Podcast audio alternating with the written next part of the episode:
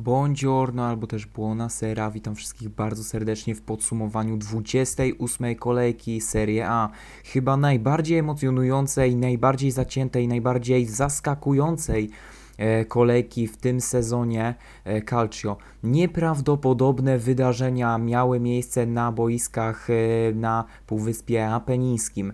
Doświadczyliśmy wielu emocji, wiele zwrotów w akcji, wiele przełamań, wiele nieoczekiwanych rezultatów. Bez dalszego przedłużania zapraszam wszystkich do podsumowania tej niezwykłej i niesamowitej 28 kolejki włoskiej Serie A.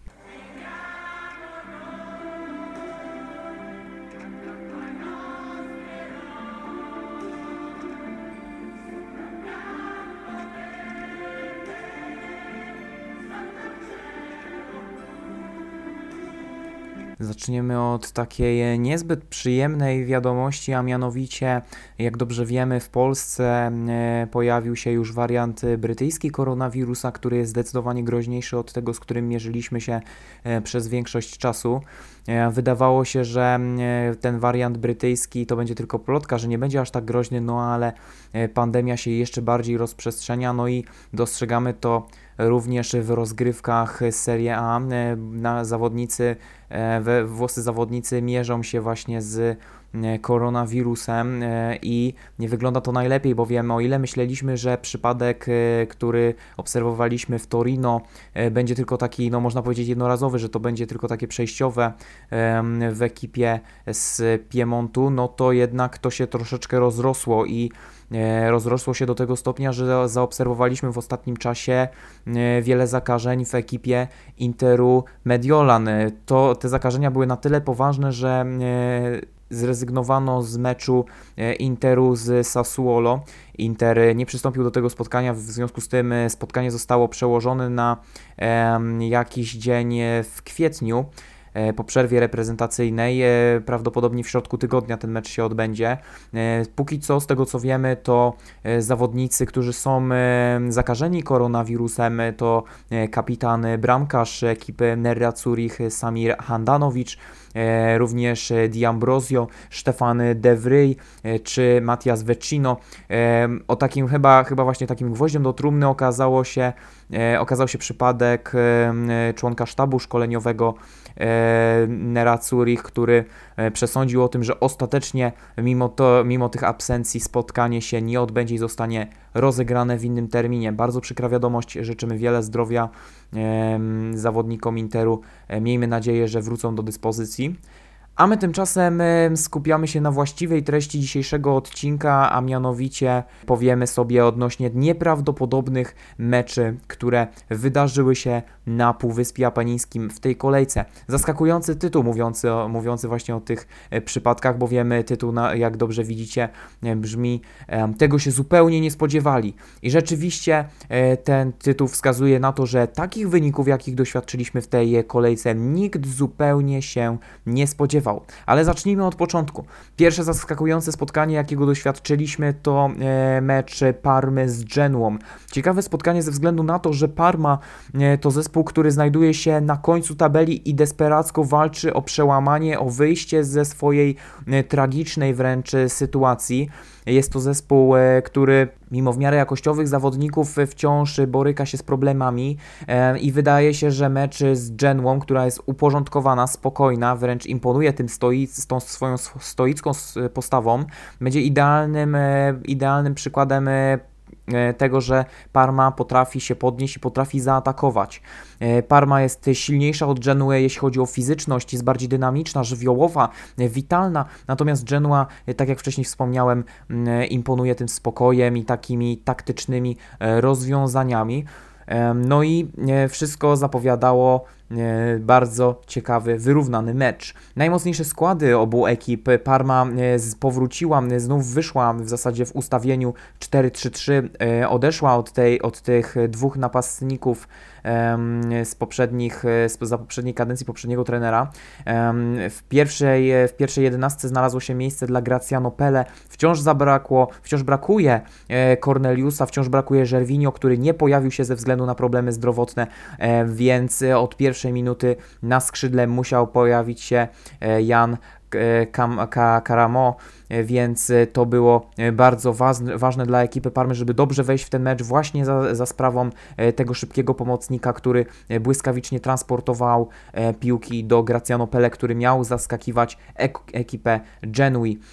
Również, również nie, za, nie zabrakło miejsca dla takich kluczowych postaci w środku pola, dla ekipy Parmy w postaci Juraja Kucki, kapitana, ale także dla Kurticza, który ostatnimi czasy wyrasta na kolejnego takiego, kolejny pewny punkt, kolejnego lidera i w tej ciężkiej sytuacji Parmy wydaje się również jasnym punktem i no, takim zawodnikiem, którym warto by się zainteresować, jeśli chodzi o inne zespoły, bowiem w przypadku spadku Parmy myślę, że znajdą się chętni, którzy no, po prostu kupiliby tego oto zawodnika. Z kolei Genua, będąca gośćmi na stadionie właśnie Ennio Tardini, mogła się pochwalić, pochwalić również dobrą, najmocniejszą praktycznie kadrą.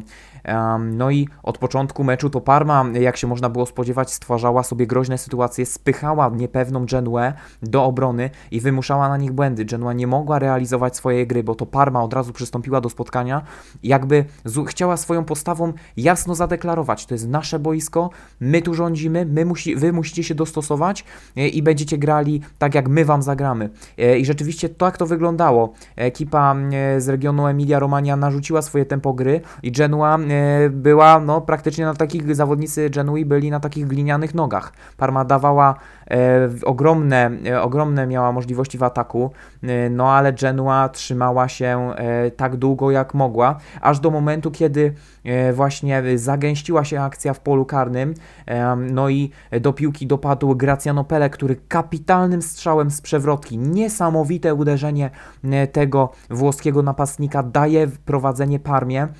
I jest taka chwilowa radość. Parma w pięknym stylu wychodzi na prowadzenie, no i e, staje się rzecz niesamowita, bo wiemy, Parma imponuje swoją formą, imponuje swoją grą, e, no i Genua wygląda no, e, nijako na, e, na tle e, tych zawodników.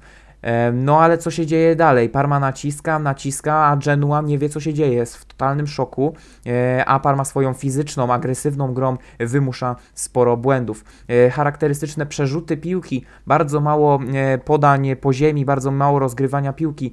Tutaj Parma miała bardzo szybkie tempo, bardzo szybko realizowała akcję, no ale póki co w pierwszej połowie skończyło się zaledwie na wyniku 1 do 0 dla ekipy Parmy. Genua, niedokładna i niepewna, musiała przystąpić do drugiej połowy z zupełnie inną mentalnością, z zupełnie innym nastawieniem i z nową energią.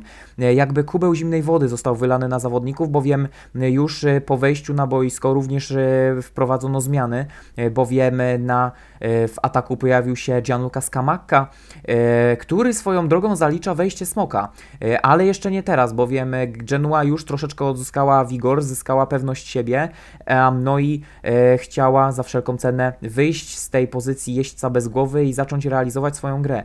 Co udało się już po pierwszej akcji, bowiem w momencie, kiedy Parma na moment usnęła, na moment przysnęła, um, do, poszło dośrodkowanie, w zasadzie wydawało się niecelne e, ze strony ekipy e, z Wenecji.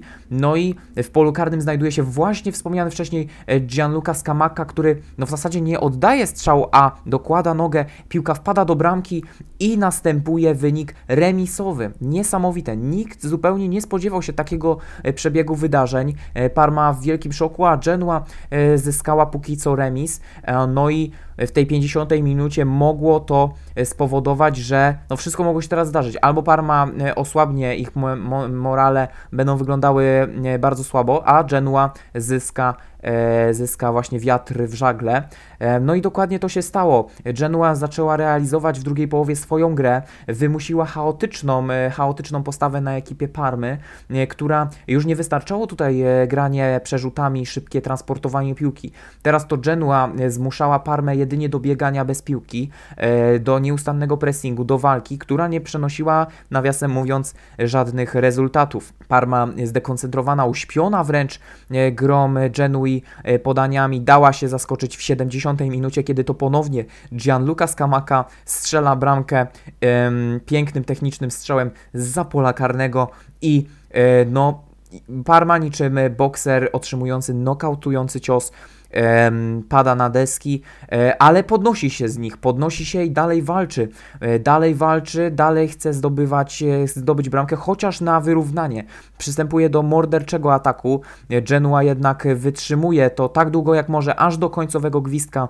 Oczywiście z poświęceniem, z poobijanymi kośćmi na pewno wyszli z tego spotkania piłkarze z Wenecji, bowiem, bowiem Parma absolutnie nie ustępowała fizycznie postawom ekipie Genui no i e, pojawiła się agresywna gra, pojawiły się żółte kartki, pojawiły się emocje i znów Parma e, może doświadczyć takiego flashbacku, bowiem e, mimo prowadzenia, mimo przewagi w pierwszej połowie zostaje sprowadzona e, na deski, e, no i nie jest w stanie się z nich podnieść. Znów po raz kolejny do, obserwujemy Parmę, e, która ma wszystko, a zostaje koniec końców ośmieszona, no i wszystko się kończy tragicznie.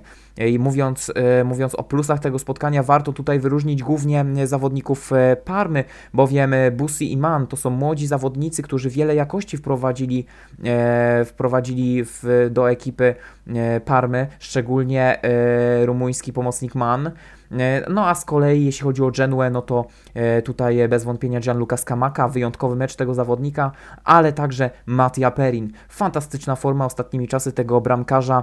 E, długi czas właśnie imponuje swoją dyspozycją i fenomenalnymi interwencjami, mimo pokazuje swoje doświadczenie, no i to jemu w dużym stopniu Genua może zawdzięczać swoją 13 lokatę i 31 punktów. Szokujący mecz, jaki oglądaliśmy również w tej kolejce, to pojedynek e, na no w zasadzie można powiedzieć kolejny pojedynek y, między środkiem a dnem tabeli, bowiem Crotone na swoim stadionie podejmowało y, ekipę Bolonii prowadzoną przez Sinisze Michajlowicza. Crotone nie wyglądało w tym spotkaniu na faworyta, bowiem pozbawione było swojej największej siły napędowej. Zabrakło Ounasa, świetnego zimowego transferu przeprowadzonego przez ekipę z Calabrii, no i w jego miejscu musiał się pojawić Di Carmine, który nie jest aż tak techniczny i nie jest jest takim asem pola karnego jak właśnie o nas. E, no i nasze polskie osłabienie, bo wiemy, zabrakło także Arkadiusza Recy. E, to jest symbol e, motoru napędowego Crotone, bowiem ten zawodnik ma ogromny, ogromne może możliwości, jest szybki, techniczny, zarówno dobrze gra w ataku, jak i w obronie. No i to była ogromna strata, bo wiemy, co prawda w jego miejsce pojawił się dość, bardziej doświadczony Molina, natomiast, natomiast brak Arkadiusza Recy mógł być bardzo widoczny w tym spotkaniu. Bolo Polonia, no ciężko było się spodziewać, ale no właśnie wyszli w naj, najsilniejszym składzie. Ich problemy kadrowe nie dotyczą w tym sezonie. E, oni wyglądają naprawdę dobrze, e, no i można było to zobaczyć choćby po e, sile ataku, gdzie pojawili się od pierwszej minuty Palacio, również, również Musabaro, czy też w pomocy Dominguez i w obronie Sumuaro, więc mieliśmy tu ogromne pole do popisu i mogliśmy zobaczyć Bolonię jako wydawało się pewnego faworyta. E, no ale zaczynając od początku. Bolonia już od pierwszych minut agresywna w ataku, nie odpuszczała Crotone, czuli, mimo tego, że e, byli oczywiście gośćmi e, na stadionie na stadionie Ezio Skida, no to jednak przystąpili do ataku, no i Crotone dzielnie odgryzało się Bolonii, dzielnie broniło, no ale wciąż nie wyglądało to imponująco i wydawało się, że Bolonia w pierwszej połowie będzie bliska zdobycia bramki poprzez liczne ataki i utrzymywanie się przy piłce. Mimo wszystko, to Crotone w 30 minucie zaskakuje ekipę z regionu Emilia-Romagna, bowiem cudownym strzałem z dystansu z rzutu wolnego popisuje się Junior Messias, e, bowiem wrzuca on piłkę w 32 minucie w pole karne, licząc, że ktoś, e, że jeden z zawodników Crotone, e, prawdopodobnie Simi, bo nie, ponieważ był najwyższy w zespole Crotone, dopadnie do tej piłki i zaskoczy Skorupskiego, to jednak nikt do tej piłki nie dopadł. W związku z tym Łukasz Skorupski, kompletnie zszokowany, obserwuje, jak futbolówka zmierza do bramki, do, do jego bramki, no i tym fantastycznym strzałem z pokaźnej odległości Crotone o dziwo wychodzi na prowadzenie w pięknym stylu. Bolonia również w szoku, nie wie co się dzieje, e, a Crotone w euforii. Teraz przed zawodnikami Serse Kosmiego było bardzo trudne zadanie utrzymania tego korzystnego wyniku. Trener bardzo dopingował swoją drużynę. No i to się sprawdziło, bo wiemy w 40 minucie bramkę zdobywa, zdobywa Simi. E, po e, faulu Sumuaro. No i Simi pnie się w, w klasyfikacji strzelców, wygląda coraz lepiej e, i to też jest zawodnik, którym warto się zainteresować w przypadku spadku Crotone, bowiem na pewno ten zawodnik ma wyższy poziom umiejętności, lepszy poziom umiejętności niż na poziom Serie B. Tak czy siak Simi w 40 minucie daje Crotone prowadzenie 2 do 0. Bolonia również może schodzić do szatni w ponurych, podłych nastrojach, bo wiemy, wyprowadza wypracowywali sobie sytuację, ale żadna nie skończyła się e, udanie dla ekipy Siniszy Michajlowicza i potwierdza się to, co powiedział trener Bolonii swego czasu, e, że jego drużyna z pewnością jest niezrównoważona psychicznie, bowiem jak to jest możliwe, że drużyna, która potrafi odbierać punkty najsilniejszym z czołówki tabeli e, w tak komiczny sposób potrafi przegrywać z ostatnią drużyną ta w tabeli, mimo wyprowadzonych sytuacji aż 2 do 0. Przed Bolonią stało bardzo ciężkie zadanie, bowiem było jasne, że Crotone będzie się teraz murować, będzie chciało utrzymać ten korzystny rezultat na własnym stadionie. Bolonia dalej re realizowała swoje założenia w drugiej połowie. E, no i e, choć ofensywnie była naprawdę potężna, to jednak nieefektywna i wciąż te bramki nie mogły, nie wpadały, e, nie pojawiały się na, na korzyść Bolonii. No a Crotone rzeczywiście zgodnie z założeniami trenera, Crotone zaczęło się bronić. Crotone postawiło autobus, co wydawało się z perspektywy czasu tym argumentem, tą przyczyną dalszego przebiegu, tragicznego przebiegu wydarzeń dla ekipy Crotone. E, bowiem w 62 minucie e, dzięki szczęśliwemu przypadkowi w polu karnym bramkę zdobywa Sumuaro i zdobywa bramkę kontaktową dla swojej drużyny. No i wygląda na to, że Crotone będzie musiało e, raz jeszcze wziąć się w garść i powalczyć o jeszcze wyższy wynik, co było bardzo utrudnione z powodu zmian, bowiem Serse Kozmi postawił na takich zawodników bardziej defensywnych. Zostało naprawdę mało ofensywnych piłkarzy na ławce i nie mógł sobie pozwolić aż na takie roszady trener ekipy z Calabrii. No a Bolonia miała, miała wszystko na tacy. Mogła zdobyć jeszcze jedną bramkę i chociaż powalczyć o jeden punkt e, na tym trudnym, niewygodnym e, terenie, który zazwyczaj dla wielu e, zespołów jest symbolem strzelnicy. No ale do czego dochodzi? E, trener Sinisza Michajlowicz przeprowadza zmiany. E, na boisku pojawia się Skouten i ten właśnie zawodnik w 70 minucie zdobywa pięknego gola z dystansu i Bolonia wykorzystuje, e, wykorzystuje to, że Crotone stawia w zasadzie na swoją najmniej pozytywną, naj, najsłabszą stronę, bowiem dobrze wiemy, Crotone próbuje grać defensywnie, mimo że defensywną drużyną nie jest, o czym świadczy strata aż 62 bramek w tym sezonie, co jest koszmarnym wynikiem ekipy Serse Kosmiego. E, no a Bolonia wyrównuje stan meczu. No i wydaje się, że będziemy mieli emocje e, do samego końca, bo wiemy, Krotone już nie ma argumentów w ataku e, i może tylko wzmacniać się w obronie. Z kolei Bolonia ma wszystkie karty po swojej stronie i może przystąpić w dalszym ciągu do ataku poprzez zmiany ofensywne, więc łatwiej będzie im zdobyć bramkę i tak się dzieje. Kolejny zmiennik, Skowolsen w 85 minucie zdobywa bramkę na 3 do 2 i Bolonia mimo początkowej wręcz słabej, nieefektywnej gry, syzyfowych prac e, na murawie Crotone wywozi ostatecznie 3 punkty i zapewnia sobie 11 miejsce w tabeli i 34 punkty. Crotone w żaden sposób nie wykorzystało e, tej furtki, jaką zostawiła Parma e, po meczu z Genuą i nie przeskoczyła ekipę, ekipy z regionu Emilia-Romagna i wciąż utrzymuje się ten sam stan. Parma z 19 punktami, Crotone z 15 nie przybliżyło się, nie wykorzystało swojej okazji, no i mogą mieć pretensje tylko do siebie, ale również chyba trener mógł się zachować lepiej i e, nie stawiać autobusu od razu po e, wyjściu na drugą połowę, a przystąpić nieco bardziej do ataku dobre spotkanie. Również jedno z ostatnich właśnie koń na końcu tabeli e, oglądaliśmy w meczu Specji Cagliari. Kolejne spotkanie, które jest przykładem niemocy e, zespołów e, z strefy spadkowej. Specja nie była faworytem w tym spotkaniu. Cagliari przyjeżdżało e, co prawda e, do Ligurii jako, jako oso- jako zespół, który jest bardziej, no można powiedzieć, nie będzie miał przewagi swojego boiska, swoich trybun, swoich kibiców, którzy dopingowali ich aż tak przed telewizorami. Natomiast Specja mogła czuć się odrobinę pewniej. Oba zespoły wy- wystawiły najmocniejsze składy, jednak to Cagliari imponowało zawodnikami, tą swoją kadrą doświadczonych piłkarzy. Świadczy o tym choćby poziom ataku, bowiem od początku trener zespołu z Sardynii postawił na bardzo doświadczony duet João Pedro oraz e, Pavoletti. E, pojawił się w, w, w drugiej linii, pojawił się Radzia Najgolą, również e, na skrzydłach partnerowali mu Liko Ganis czy też Nandesz, no a obrona, no tutaj nie trzeba było ich przedstawiać.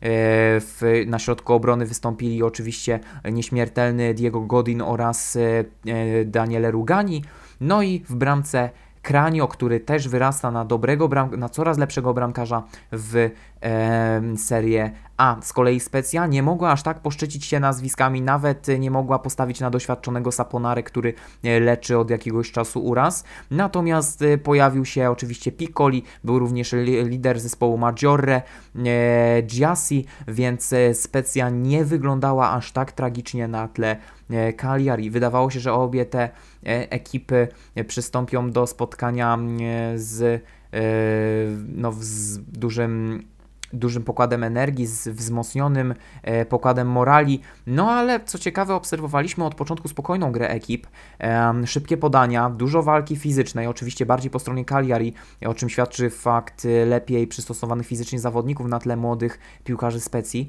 E, no ale żaden z zespołów w pierwszej połowie nie chciał atakować, wręcz zawodnicy bali się, że w momencie, kiedy troszeczkę naruszą, e, naruszą strefę defensywną drugiej ekipy, no to na narażą się na kontrę i głupią stratę piłki. Tutaj obie ekipy nie mogły sobie pozwolić na to, że e, stracą punkty w głupi sposób poprzez błędy indywidualne. No, no i tak to wyglądało w pierwszej połowie. Nikt nie chciał ryzykować, większość akcji odbywała się w środku pola.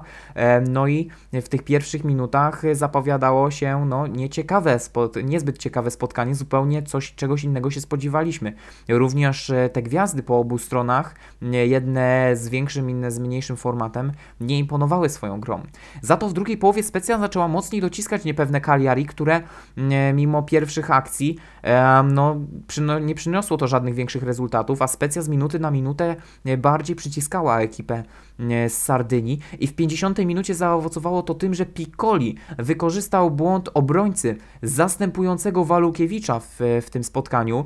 E, to właśnie Klawan popełnił błąd, no i, no i Walukiewicz mógł jedynie patrzeć, jak no, jego zmiennik popełnia istny kryminał w polu karnym w polu karnym Cagliari. E, no i e, Piccoli zaskoczył Kranio i wyprowadził swoją drużynę na 1 do 0. Klawan e, no, będzie miał e, niezbyt przyjemną rozmowę pewnie z trenerem i raczej z ławki rezerwowych więcej się chyba w tym sezonie po takim błędzie nie podniesie.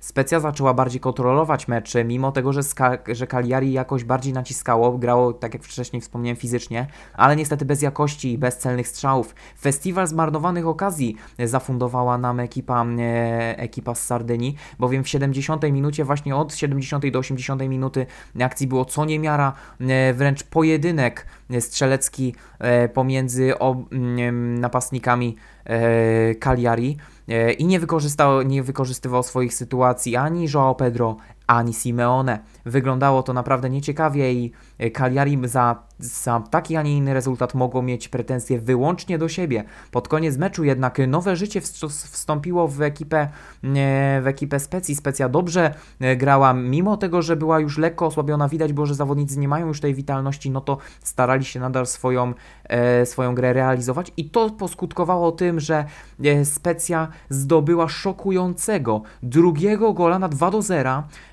i e, tym strzelcem okazał się Maggiore, który pierwotnie wydawało się, że zawodnik kompletnie skiksował i niefortunnie uderzył piłkę, a tymczasem ta piłka uderzona w sposób niechlujny, niecelny, przelobowała Alessio Kranio w bramce, no i Specja w sposób dość żałosny, jakby się na to patrzyło z perspektywy piłkarzy Cagliari, zdobywa drugą bramkę i tu już chyba ekipa z Sardynii mogła wywiesić białą flagę. Niesamowita niemoc piłkarzy, piłkarzy Leo, Leonardo Sempliciego No ale w samej końcówce oczywiście jeszcze swój zespół do walki, do walki pode, poderwał Gaston Pereiro, jednak nie przyniosło to większych rezultatów. Jeszcze w końcówce, w samej końcówce w 93 minucie Cagliari zdobyło prawie bram, zdobyło w zasadzie bramkę po dośrodkowaniu Radzina i Golana, jednak, jednak odgwizdano spalonego no i Cagliari na własne życzenie. Z niewiadomych przyczyn,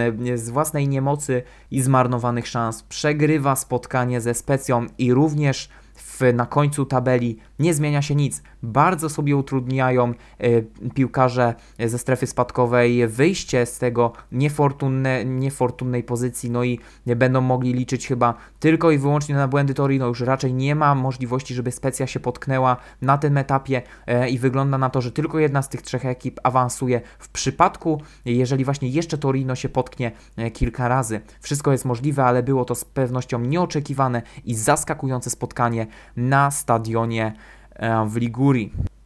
Mówiąc jeszcze o nieprzewidywalnych, niesamowitych wynikach, warto zatrzymać się w Turynie, gdzie Juventus um, chciał za wszelką cenę pokonać Benevento i wyprzedzić Milan. Mieli do tego wszelkie argumenty, bowiem Juventus wyszedł z ogromnym potencjałem w, w ataku.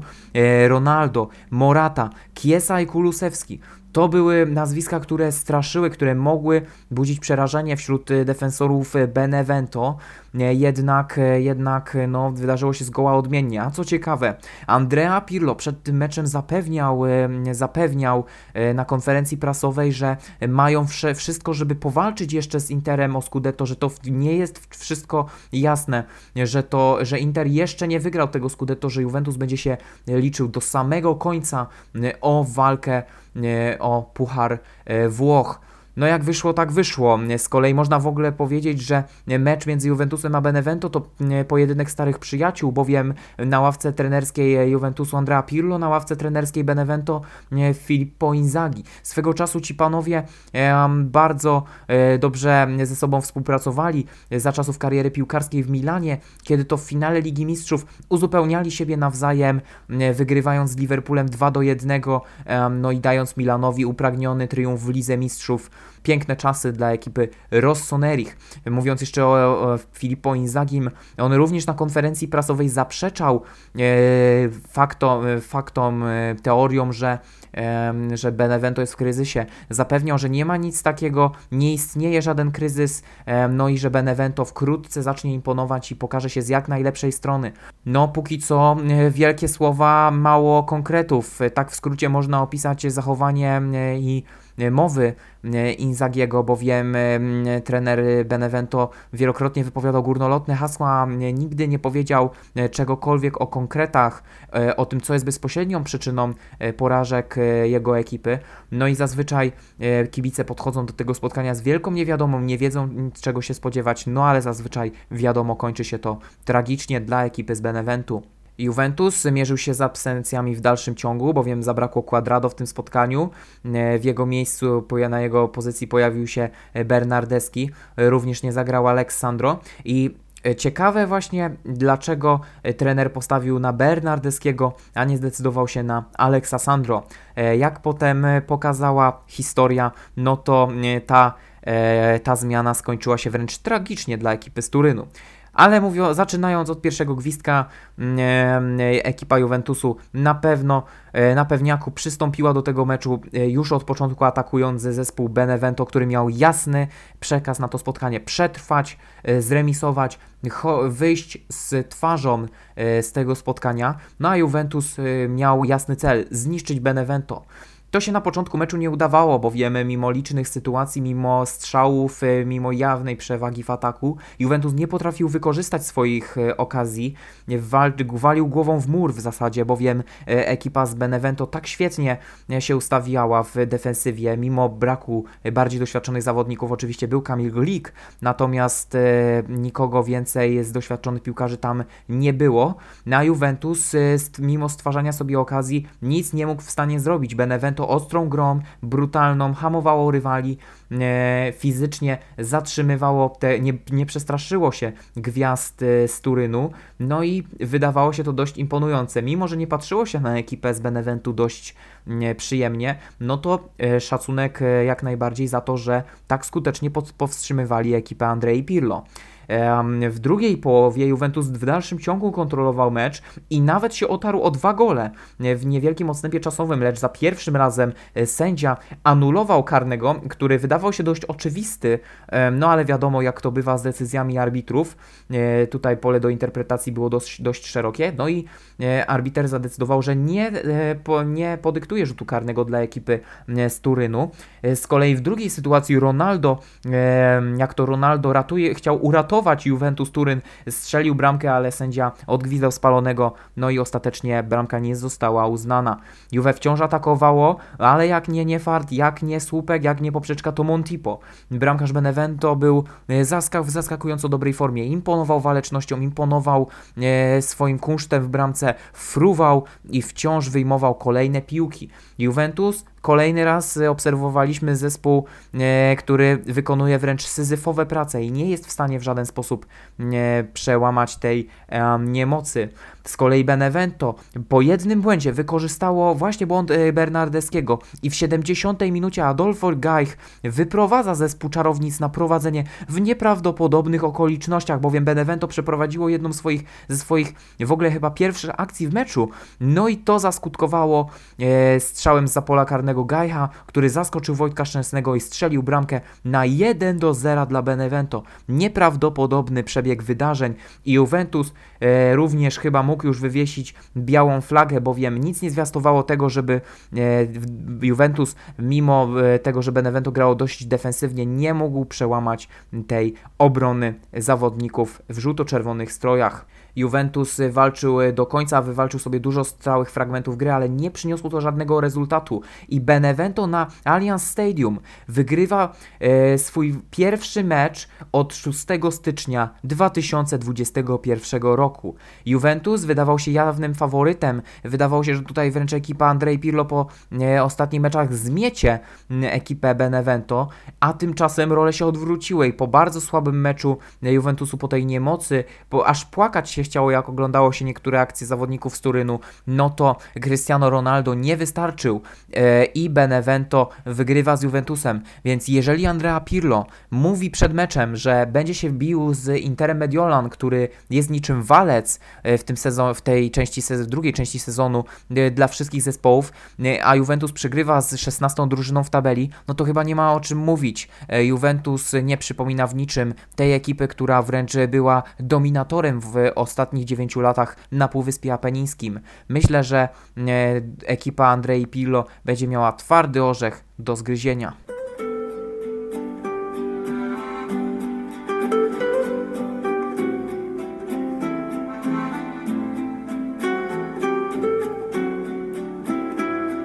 Przejdziemy teraz do nieco spokojniejszych spotkań. E, poświęcimy chwilę teraz e, ekipie Werony i Atalanty, bowiem tam doszło do ciekawego spotkania obu tych ekip, bowiem były to zespoły bardzo podobne do siebie.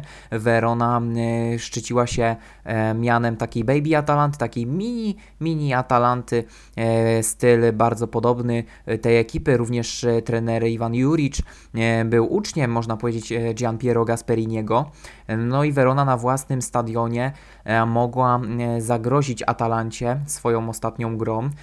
No a Atalanta była pozbawiona jakby swojej siły e, napędowej, bowiem brakowało go Sensa, brakowało Hateboera, na ławce Ilicic, choć nie imponujący ostatnio formą, to jednak jeden z większych liderów tej drużyny, no i Luis Muriel. Z kolei od pierwszej minuty e, na boisku zameldowali się Rusłan Malinowski, Zapata, czy też, e, czy też Mirańczuk i E, wydawało się, że Atalanta osłabiona e, będzie narażona na to, że Verona może ten zespół pokonać. Mówiąc, wracając jeszcze do tematu e, Gosensa, mówi się o tym, że Atalanta już wyceniła tego zawodnika, interesuje się nim Intercity czy też Juve. Wydaje się, że Inter jest najbliżej pozyskania Niemca, no ale jeżeli by chcieli to zrobić, no to Atalanta żąda od nich 40 milionów, co przy kryzysie finansowym Interu może nie być korzystne i mogą sobie odpuścić walkę o tego oto zawodnika. Tak czy siak zapowiadało się naprawdę ciekawe spotkanie bardzo podobnych drużyn. Verona w najsilniejszym składzie gotowa była pokonać Atalantę, jednak nic z tego nie zwiastowało, przynajmniej po pierwszej połowie.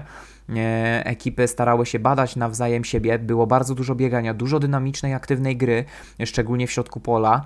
Nikt tutaj za bardzo nie chciał atakować, e, ze względu na to, że wiadomo było, jak obie ekipy grają. Natomiast e, taktyką w ataku, jaką obie ekipy chciały zastosować, to bez wątpienia to, że wysoko grający, wysoko grający stoperzy, trójka obrońców, wychodziła praktycznie do środka pola, no i w te luki, które zostawały po tych piłkarzach, mieli miał wykorzystać napastnik, a wspierać go mieli e, środkowi pomocnicy ofensywni.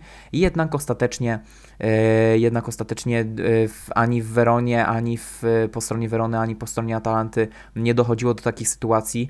Kevin Lazania po stronie Atalanty, po stronie Werony bardziej oscylował w okolicach środka pola, bardziej rozgrywał piłkę, nie zamierzał atakować, nie wyrywał się do przodu, co nie, czego nie można powiedzieć o Duwanie Zapacie, który wielokrotnie e, balansował na tej linii spalonego i starał się wykorzystywać te przestrzenie między środkowymi obrońcami Werony, ale to nie przynosiło rezultatów, bowiem zazwyczaj był on skutecznie blokowany przez e, obrońców e, Werony, w szczególności młodego Lovato, E, nic nie zwiastowało tego, żeby pojawiły się tutaj jakieś bramki, aż do 30 minuty, kiedy e, bardzo prosty błąd w polu karnym popełnia Di Marco, e, chcąc oprzeć się na swoim przeciwniku i wybić piłkę głową, dotyka piłki ręką, w zasadzie to ta piłka trafia go w rękę, no i sędzia od razu wskazuje na wapno i od razu pokazuje, że w drużynie Atalanty należy się rzut karny, do niego podchodzi Rusłan Malinowski w 30 minucie. E,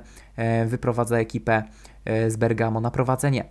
E, niedługo swoją cegiełkę do tego sukcesu dołożył także Zapata. Zaledwie 10 minut później, w 40 minucie, zdobywa on bramkę na 2 do 0. No i Verona gubi się. Verona już utraciła ten spokój, utraciła swoją, swoją taktyczną wizję i przypomina, podobnie jak w poprzednim spotkaniu, ekipa ekipa Genui y, przez długi czas przypominała jeźdźców bez głowy, no to zaczyna się ten nieciekawy okres w meczu dla ekipy Werony, która y, bardzo głupio biega za piłką, y, nie jest w stanie jej przejąć, brakuje jakości, brakuje dokładności, zawodnicy Atalanty błyskawicznie doskakiwali do zawodników Werony i e, gasili ich ataki w zalążku. E, no i nic nie zwiastowało tego, żeby Verona się już miała podnieść. Atalanta w pełni kontrolowała ten mecz taktycznie. Oczywiście potem klasycznie w minucie 60 pojawili się Luis Muriel i, i Licic. Nie były to najlepsze zmiany, szczególnie mówiąc o babci, ponieważ ten słoweński środkowy pomocnik ofensywny, choć błyszczał w poprzednim sezonie, no nie jest w stanie ewidentnie wziąć na siebie tego, co brał przez tyle lat y, Papu Gomez.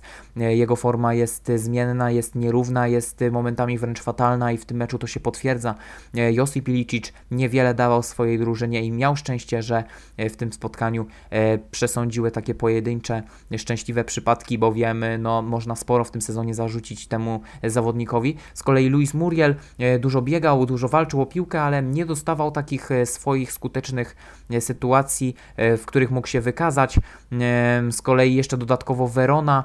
E, Verona ułatwiała przedostawanie się w pole karne piłkarzom Atalanty, grali brutalnie, narażali się na błędy. Również musieli uważać, bowiem w szybkim odstępie czasowym e, dwóch z trzech obrońców otrzymało żółte kartki, e, więc Atalanta można powiedzieć wygrała to spotkanie taktycznie, no i umacnia się na czwartej pozycji goniąc Milan, goniąc Juventus, będąc w zasadzie bliżej Juventusu oczywiście, natomiast Verona będzie e, walczyć z Sassuolo o miano tej ósmej drużyny w tabeli, bowiem realnie do Lazio już chyba żadna z tych ekip nie doskoczy. Mecz, na którym warto było się skupić, to także spotkanie Udinese z Lazio. Udinese, które lubi zabierać punkty e, ekipom z czołówki, mierzyło się z Lazio, które nie dysponowało aż tak chaotyczną grą, taką żywiołową jak e, Udine. E, jak, to, jak znamy właśnie styl gry Simone Inzagiego, styl prowadzenia zespołu Simone Inzagiego, no to widzimy, że Lazio taktyczne, Lazio techniczne, Lazio, które gra podaniami, to już w zasadzie stała się taka wizytówka ekipy z, Lazio, z regionu regionu Latium, no to będzie miało znaczną przewagę nad wręcz niez, chaotyczną i niezorganizowanym zespołem Udinese. No i e, Lazio oczywiście klasycznie przystępuje do tego spotkania z kontuzjami, bowiem e, do, do Felipe dołączył także jego e, imiennik Felipe Caicedo. Napastnik nabawił się zapalenia powięzi podeszwowej. Nie jest to groźny uraz, jednak eliminuje tego kolumbijskiego napastnika, tego super zmiennika na kilka meczy. Pozytywną wiadomością to oczywiście powrót Lazzariego, a znakiem zapytania to obecność Muriciego zamiast Korei. Pytanie, czy to był, czy to jest zwykła oszczędność Joaquima Korei, czy rzeczywiście pojawił się jakiś drobny, niegroźny uraz, ale trener Simone Inzaghi będzie chciał przyoszczędzić tego młodego zawodnika. Mówiąc o trenerze Lazio, warto przybliżyć Wam plotkę, jaka pojawiła się jeszcze przed meczem, a mianowicie, że Simone Inzaghi jest e, kolejnym kandydatem, który ma zastąpić Gennaro Gattuso e, w zespole Napoli. Ciekawa koncepcja. Myślę, że myślę, że dopasowałby, że według wizji e, De Laurentisa no Simone Inzaghi no, będzie wręcz idealnym kandydatem do tego typu działań. Natomiast, e, natomiast e, zobaczymy jak to wyjdzie ostatecznie. Myślę, że Simone Inzaghi raczej nie opuści drużyny Lazio.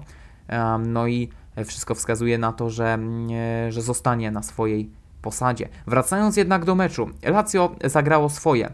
E, od początku kontrolował spotkanie, grało podaniami, e, w czym wielka zasługa Sergeja Milikowicza-Sawicza, e, świetnego rozgrywającego, pełniącego rolę katalizatora w tej drużynie, który dużo dawał w ataku, jak i w obronie. To on decydował o tempie gry, o przebiegu akcji, no i daje powody do tego, żeby zainteresowały się nim kolejne zespoły z wielkich, z wielkich lig, z wielkich klubów.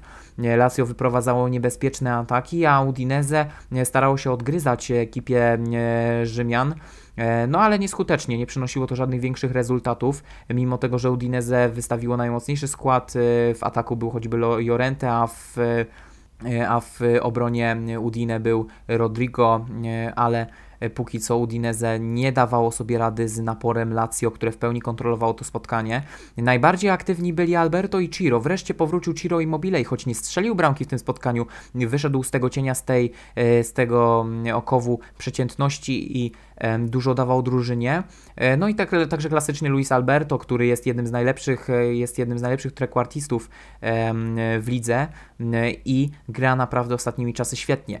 Taka właśnie gra dominacyjna, taka spokojna. Gra Lazio doprowadziła do tego, że w 37 minucie na listę strzelców pisał się Marusic, no i Udinese e, uśpione, e, uspokojone już w zasadzie nie miało argumentów do tego, e, żeby wygrać to spotkanie, chociaż w drugiej połowie od 70 minuty zaczęło się, zaczęło się kotłować w polu karnym. Lazio coraz bardziej agresywnie, grała ekipa Udine, no i starała się za wszelką cenę napsuć krwi ekipie Lazio i wywalczyć chociażby jeden punkt, zostawić ten jeden punkt na swoim stadionie. I zmusić Lazio do błędów poprzez swoją agresywną grę.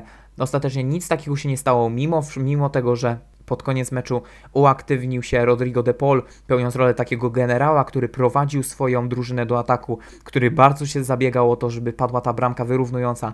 Ostatecznie nic się takiego nie stało. Lazio przetrwało na pół Udine, no a Udinese musiało niestety oddać punkty drużynie z Rzymu. E, Udinese w tej chwili jest na 12 miejscu z 33 punktami, a Lazio powiększa swoją przewagę nad 8 e, Sassuolo, e, jest na 7 miejscu z 49 punktami i traci zaledwie punkt do AS Romy. Wygląda na to, że eliminacje do Ligi Europy potrwają do samego końca, że ani jedna, ani druga ekipa z Rzymu nie odpuści, no i ben, któraś z drużyn będzie musiała oddać drugiej ekipie z Rzymu, z Wiecznego Miasta, to co cesarskie. Ostatnie spotkanie, można powiedzieć, taki, z takich przeciętnych to mecz Sampdori Torino, w którym realnie nie wydarzyło się nic szczególnego, nic godnego uwagi. Oba zespoły no, klasycznie z pełnym potencjałem w ofensywie. Sampdoria może wygrać, Torino musi. Sampdoria jest zdecydowanie w lepszej pozycji e, niż ekipa z Turynu. Sampdoria ma, jest na 10 miejscu z 35 punktami po tym meczu, a Torino jest w, no w zasadzie w minimalnej odległości nad strefą spadkową, no ale ma też jedno spotkanie zaległe. Sampdoria straszyła ekipę Torino duetem Quariella Gabbiadini, natomiast Torino odgryzało się duetem Belotti-Sanabria. Sanabria zdecydowanie bardziej aktywny, szczególnie w poprzednim meczu, kiedy to razem z Simone Cazą siał popłoch w defensywie, w defensywie właśnie drużyny, z którą się w, poprzednim, w poprzedniej kolejce mierzyli. No a Belotti póki co pozostaje jeszcze wciąż bez bramki i wciąż nie może dojść do siebie po tej sytuacji covidowej. Sampa, e, Sampa przystąpiła do tego meczu oczywiście klasycznie aktywnie i to oni przypominali drużynę bardziej zaangażowaną w samo spotkanie, e, w spotkanie, które e, było jakby ważniejsze nawet dla nich samych niż dla Torino.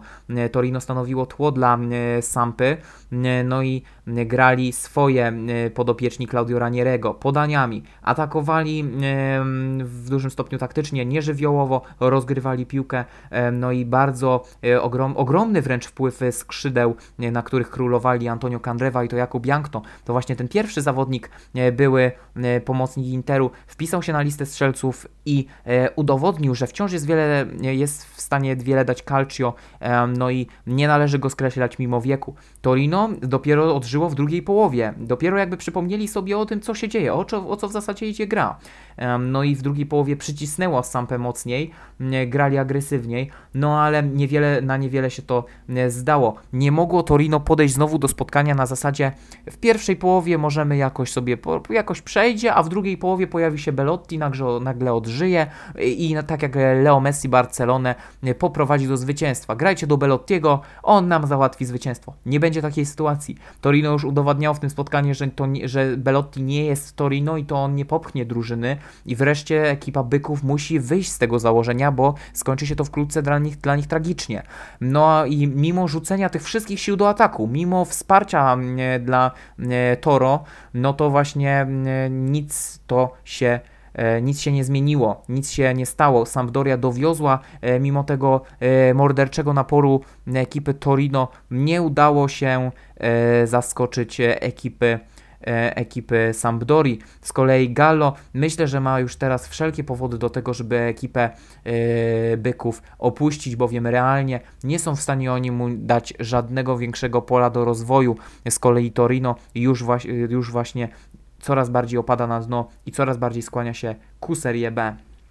Na sam koniec wyjątkowe spotkanie we Florencji na mm, e, stadio E, Artemio e, Franchi. E, tam bardzo sentymentalny mecz dla trenera AC Milanu Stefano Piolego, podopiecznego swego czasu, trenera swego czasu ekipy z Fiorentiny, ekipy z Florencji, bowiem towarzyszył im w tych pięknych momentach, ale towarzyszył im w tych krytycznych, bowiem, e, bowiem najbardziej wpłynęła na niego śmierć kapitana Davida Astoriego. E, do tego stopnia, że e, był bardzo załamany trener Milanu, również wytatuował sobie imię i nazwisko tego zawodnika na swoim nadgarstku. No ale wracając do meczu. E, Milan przystępuje do tego spotkania e, głodny gry, głodny goli, e, chcący dogonić za wszelką cenę swoich kuzynów z zamiedzy Intermediolan. Z kolei Fiorentina na 14 miejscu musi jakoś się odbić od dna i powędrować wyżej w tabeli, wyprzedzić Genuę i być może nawet dogonić Udinese. No i Milan będzie dla nich bardzo ciężkim przeciwnikiem, ale Viola ma wszystko, żeby e, ukąsić AC Milan. E, co prawda mierzyli się zawodnicy e, Fiołków z różnymi niedyspozycjami, głównie w obronie, ponieważ zabrakło Igora i Biragiego. Ci dwaj obrońcy byli niedysponowani. Z kolei w pomocy zabrakło Amrabata. W jego miejscu musiał się pojawić Jack Bonaventura, więc również kolejny sentymentalny moment, bowiem były Milanista naprzeciwko swoich byłych wieloletnich kolegów z drużyny. Jak to napisał Gigi po meczu, e, zawsze przyjaciele, na zawsze pozostaniesz w naszych e, sercach. Bardzo romantyczne spotkanie z perspektywy kibiców. Milan również zmagał się ze szpitalem w tym spotkaniu. Kontuzje nie opuszczały drużyny Stefano Piolego. E, wciąż kontuzjowany, niedysponowany pozostawał Mandzukic. E, zabrakło Romagnolego leczącego uraz e, łydki. Calabria po artroskopii kolana, który wróci dopiero w maju, o ile w ogóle. No i wciąż braki w ofensywie. Leao i Rebic również będą do dyspozycji trenera Piolego dopiero 31 marca. Wszystkie oczy kibiców Milanu na Ibrze, wszystkie oczy kibiców Fiorentiny na Wlachowiczu. Obaj zróżnicowani formą, ale w dobrej dyspozycji. Ibra doświadczony i nie trzeba tego pana przedstawiać, natomiast Wlachowicz po ostatnim spotkaniu z hat-trickiem wyglądało to ciekawie i zapowiadał nam się istny pojedynek strzelców. E, gotowało się od samego początku pod polem karnym obu ekip, głównie za sprawą ataków Fiorentiny, bowiem początkowo wywalczyli sobie oni naprawdę dużą liczbę rzutów rożnych i naprawdę niewiele brakowało do tego, żeby Fiorentina wyszła już w pierwszych minutach na prowadzenie, bowiem kapitalną rolę odgrywał e, przy tych e, stałych fragmentach gry, dośrodkowaniach Gigi Donnarumma, ale także Fikayo Tomori, którzy za wszelką cenę bronili dostępu i oddzielili bramkę od piłki. Z kolei Milan e, po jednej składnej akcji e, przeprowadził atak. E, swoją drogą ciekawe, co mieli w głowach piłkarze Fiorentiny, bowiem Simon Kier na swojej połowie dostał piłkę i podaniem przez środek boiska przerzucił piłkę do Zlatana Ibrahimowicza, a ten oto zawodnik strzałem, no w zasadzie lekkim kiksem w dziewiątej minucie pokonuje Bartłomieja Drągowskiego. Jeszcze spojrzał szwedzki napastnik na sędziego liniowego, lecz ten nie podniósł chorągiewki, więc było jasne, że AC Milan wychodzi na prowadzenie mimo początkowej przewagi Fiorentiny. Nie zmalały ataki e, ekipy Violi, e, szczególnie e, walczył na, pra na prawej stronie Frank Ribery z Diego Dalotem. Za wszelką cenę ten doświadczony napastnik chciał wyprowadzić w pole niedoświadczonego i słabego obrońcę Milanu, który otrzymał swoją szansę po kontuzji Calabrii, no ale ostatecznie Ribery w, pe w pewnym momencie wymusił rzut wolny na, dla swojej ekipy ekipy właśnie ze sprawą Dalota. Podobna sytuacja jak w meczu Milanu e, z z Veroną, kiedy to do piłki z podobnej odległości podchodził Krunic i pewnym strzałem z dystansu pokonał Silvestriego. Tutaj e, Erik Pulgar próbował zaskoczyć Gigi Donnarumma i rzeczywiście kapitalnym strzałem z dystansu z wolnego udało mu się to.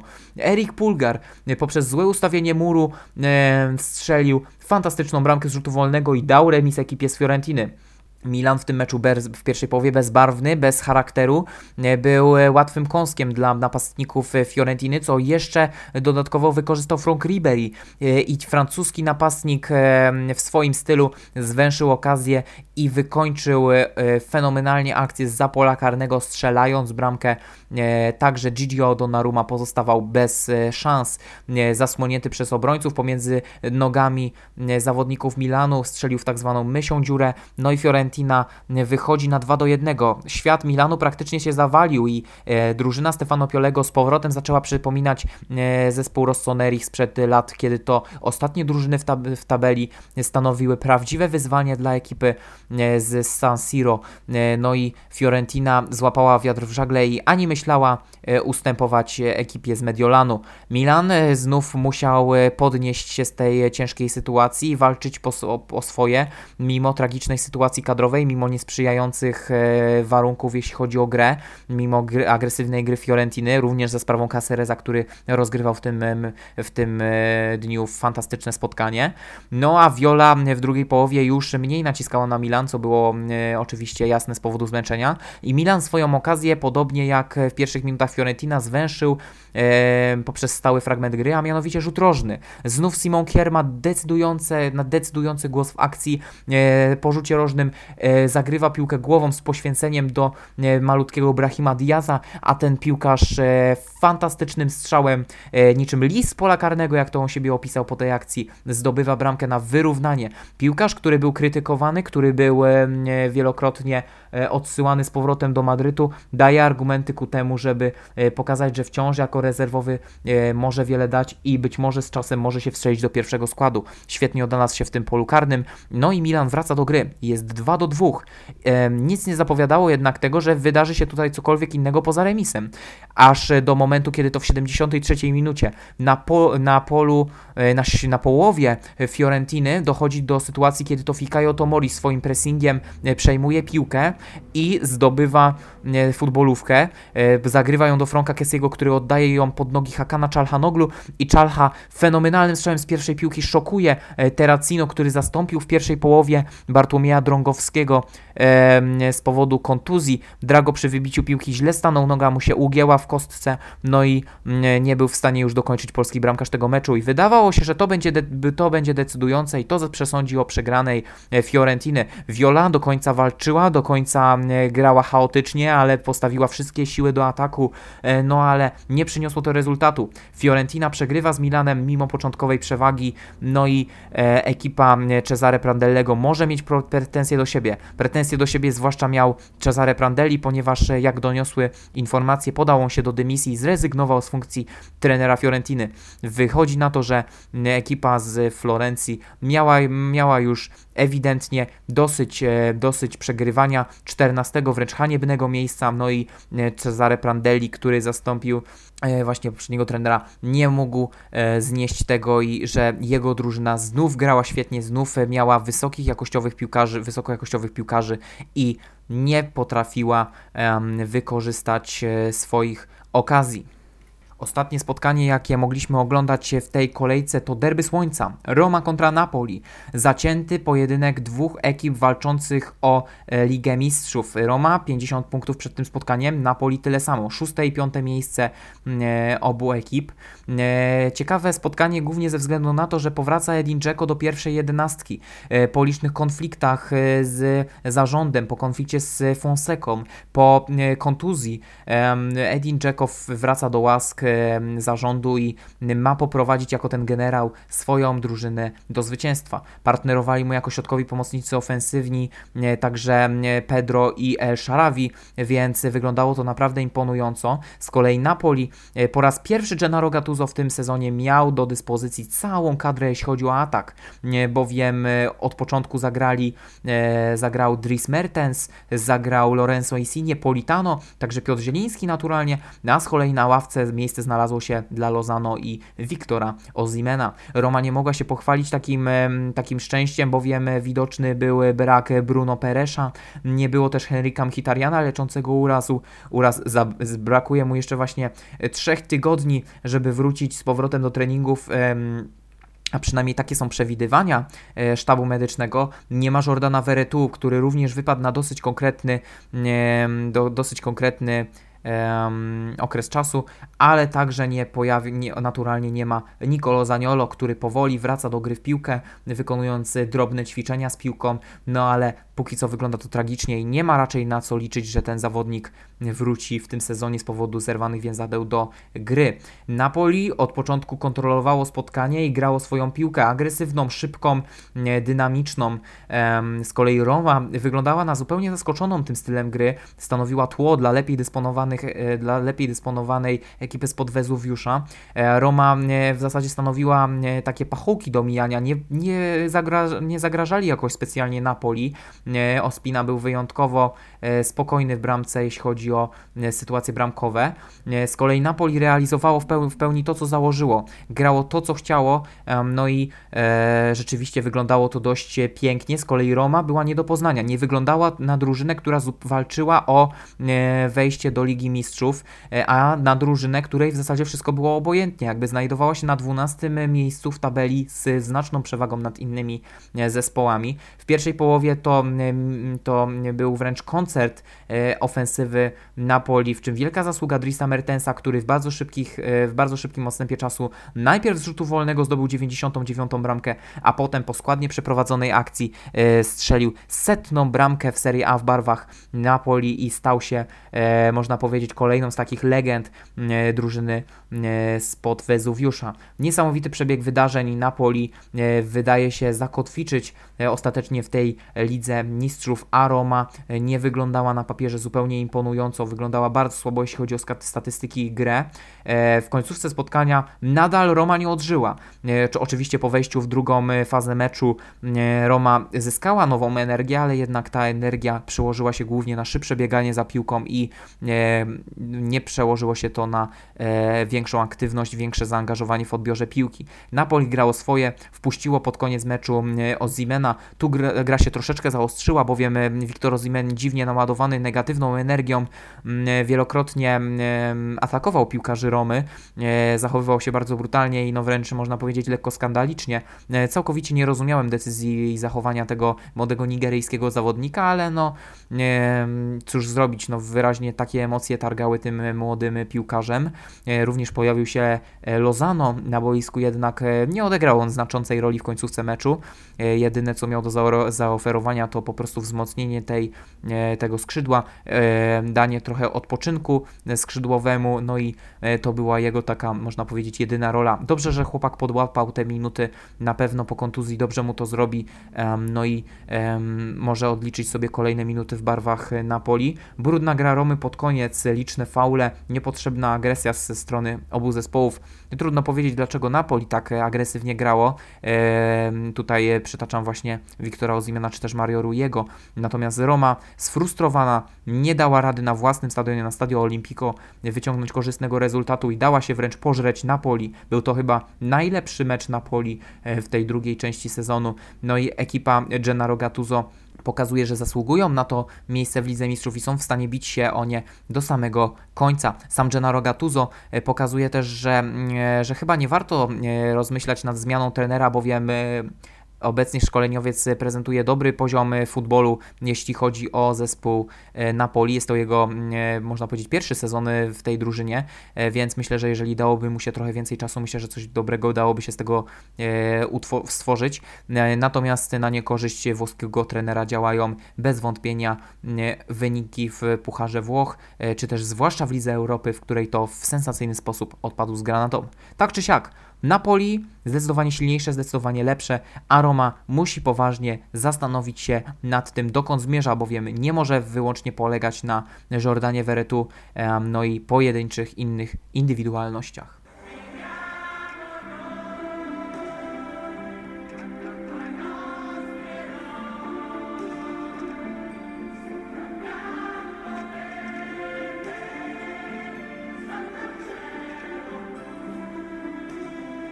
Taka to właśnie była ta 28 kolejka z Serie A. Nieprawdopodobna, niesamowita, zaskakująca kwintesencja włoskiego futbolu, którego nam bardzo e, od wielu lat brakowało. E, tych wyników, tych, tej walki do samego końca, tego gryzienia trawy, e, żeby tylko utrzymać korzystny rezultat. Mimo tego, że nie zaobserwowaliśmy w, w tym meczu pojedynków na szczycie, to jednak e, te pojedynki w zasadzie na dnie zafundowały nam wielkie emocje, wielkie e, zmagania, wspaniałe starcia gladiatorów, tak można by było to porównać. Nieprawdopodobny mecz e, w wykonaniu, mecze w wykonaniu zespołów z Serie A. Myślę, że to jest najlepszą wizytówką, ta kolejka jest najlepszą wizytówką Serie A. To jest liga, którą chcemy oglądać, która nam wiele daje i która sprawia, że e, kibice z całego świata zakochali się we włoskim futbolu. Dziękuję Wam bardzo za wysłuchanie mojego podcastu. Mam nadzieję, że Wam się podobało. Zachęcam do zaobserwowania, żebyście nie przegapili kolejnych treści e, z włoskiego calcio. Dziękuję Wam bardzo za wysłuchanie. Kłaniam się z tej strony i arrivederci.